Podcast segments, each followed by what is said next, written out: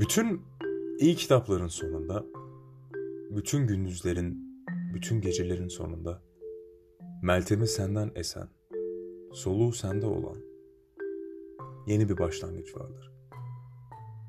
Parmağını sülsen elmaya, rengini anlarsın.